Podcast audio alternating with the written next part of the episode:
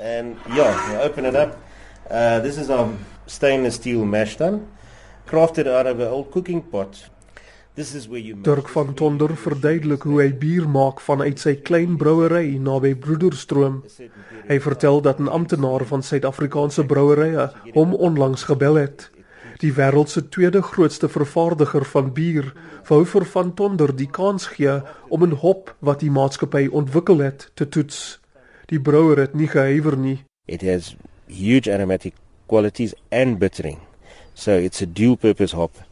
And I've done a few brews with that and I'm very very happy with the results. Soos die meeste onafhanklike klein brouers in die land, gebruik van Tonder duur ingevoerde hop om sy handgemaakte bier mee te maak.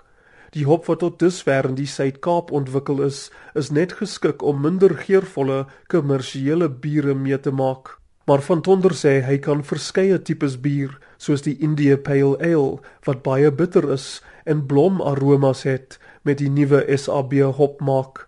SAB se hoofbrouer, Martin Brooks, sê die hop is so eksperimenteel dat dit tans nie eers 'n naam het nie, net 'n reeksnommer. Hier 1763. It's not commercially available uh, even to me as the chief brewer for SAB. SAB het ook die hop aan nog 'n onafhanklike brouwer, Maurits Kalmeyer in Pretoria aangebied.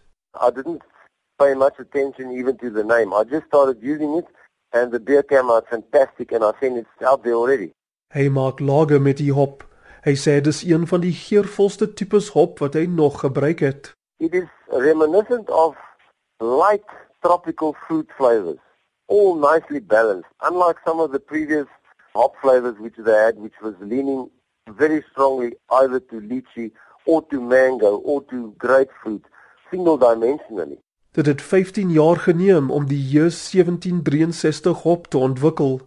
Dit was meestal die werk van die SAB hopwetenskaplike Beverly Ann Joseph naby George. We send it to some microbrewers just to see if they like it because it's, it's not what we normally brew with or, or grow out here. And the feedback that we got from them was just so phenomenal. And they kept on asking for, for this hop. I didn't expect it to be such a flair. Joseph verwys na die hop as pragtig. It has this very distinctive gooseberry and blackcurrant aroma to it. And you can walk into the fields, it just has this typical passion fruit, fruity aroma.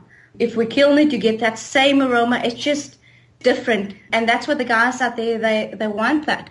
They look for something that can differentiate their beers from a hop perspective. Brooks kyk toe terwyl in werke sakke hop van 'n trok by SAB se fabriek in Elroad aan die oosrand aflaai. Hy sê die J1763 is spesiaal omdat dit 'n ongewone hoë vlak alfa-sure bevat. Dis die komponente wat bier bitter maak. Typically, um, a normal hop would be around about 10-11% alpha. This uh, J1763 uh, is currently running at a 14%. Volgens Brooks kan brouers in wye verskeidenheid biere met die soort hop maak, afhangende van wanneer hulle dit byvoeg tydens die brouproses en hoeveel van die hop hulle gebruik. Steve Gilroy maak van sy toerusting skoon in sy brouery in Mildesdrift. Hy vra vir gesonde skeptisisme oor die J1763 hop. This hop is through word of mouth developing legendary characteristics that in reality will never ever come to fruition. Gilroy hou vol dat 'n verskeidenheid hopsoorte, meestal ingevoerde variante, nodig is om verskillende tipes bier mee te maak. Hy glo ook nie dat die nuwe hop al die geure bevat wat mense sê dit bevat nie. You don't get a banana orange apple flavored hop. Maar brouers soos Kalmeyer en Van Tonder gebruik die J1763 om uiteenlopende soorte bier mee te brou, van minder geurvolle lagers tot swaarde tipes bier.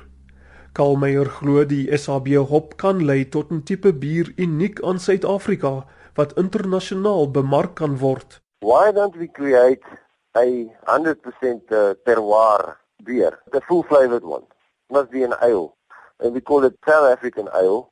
And we use local hop, local Swartland barley malt, and all local ingredients. And then we could truly claim a new style of beer worldwide. It's going to happen soon. If I'm not the first, then someone else will follow. Van Tonder stem saam. Hy verwys na die hop se sterk nasmaak as 'n massiewe voordeel. I think we should keep that and maybe then make an African pale ale instead of always trying to copy American pale ale. So African pale ale I think can be a style that can be directly from that hop. Brooks sê nuus oor die J1763 hop het oral in die bierwêreld begin versprei. Hy sê brouers in die FSA stel veral belang en dat SAB dit oorweeg om die hop te begin uitvoer. Ek is Darren Taylor in Johannesburg.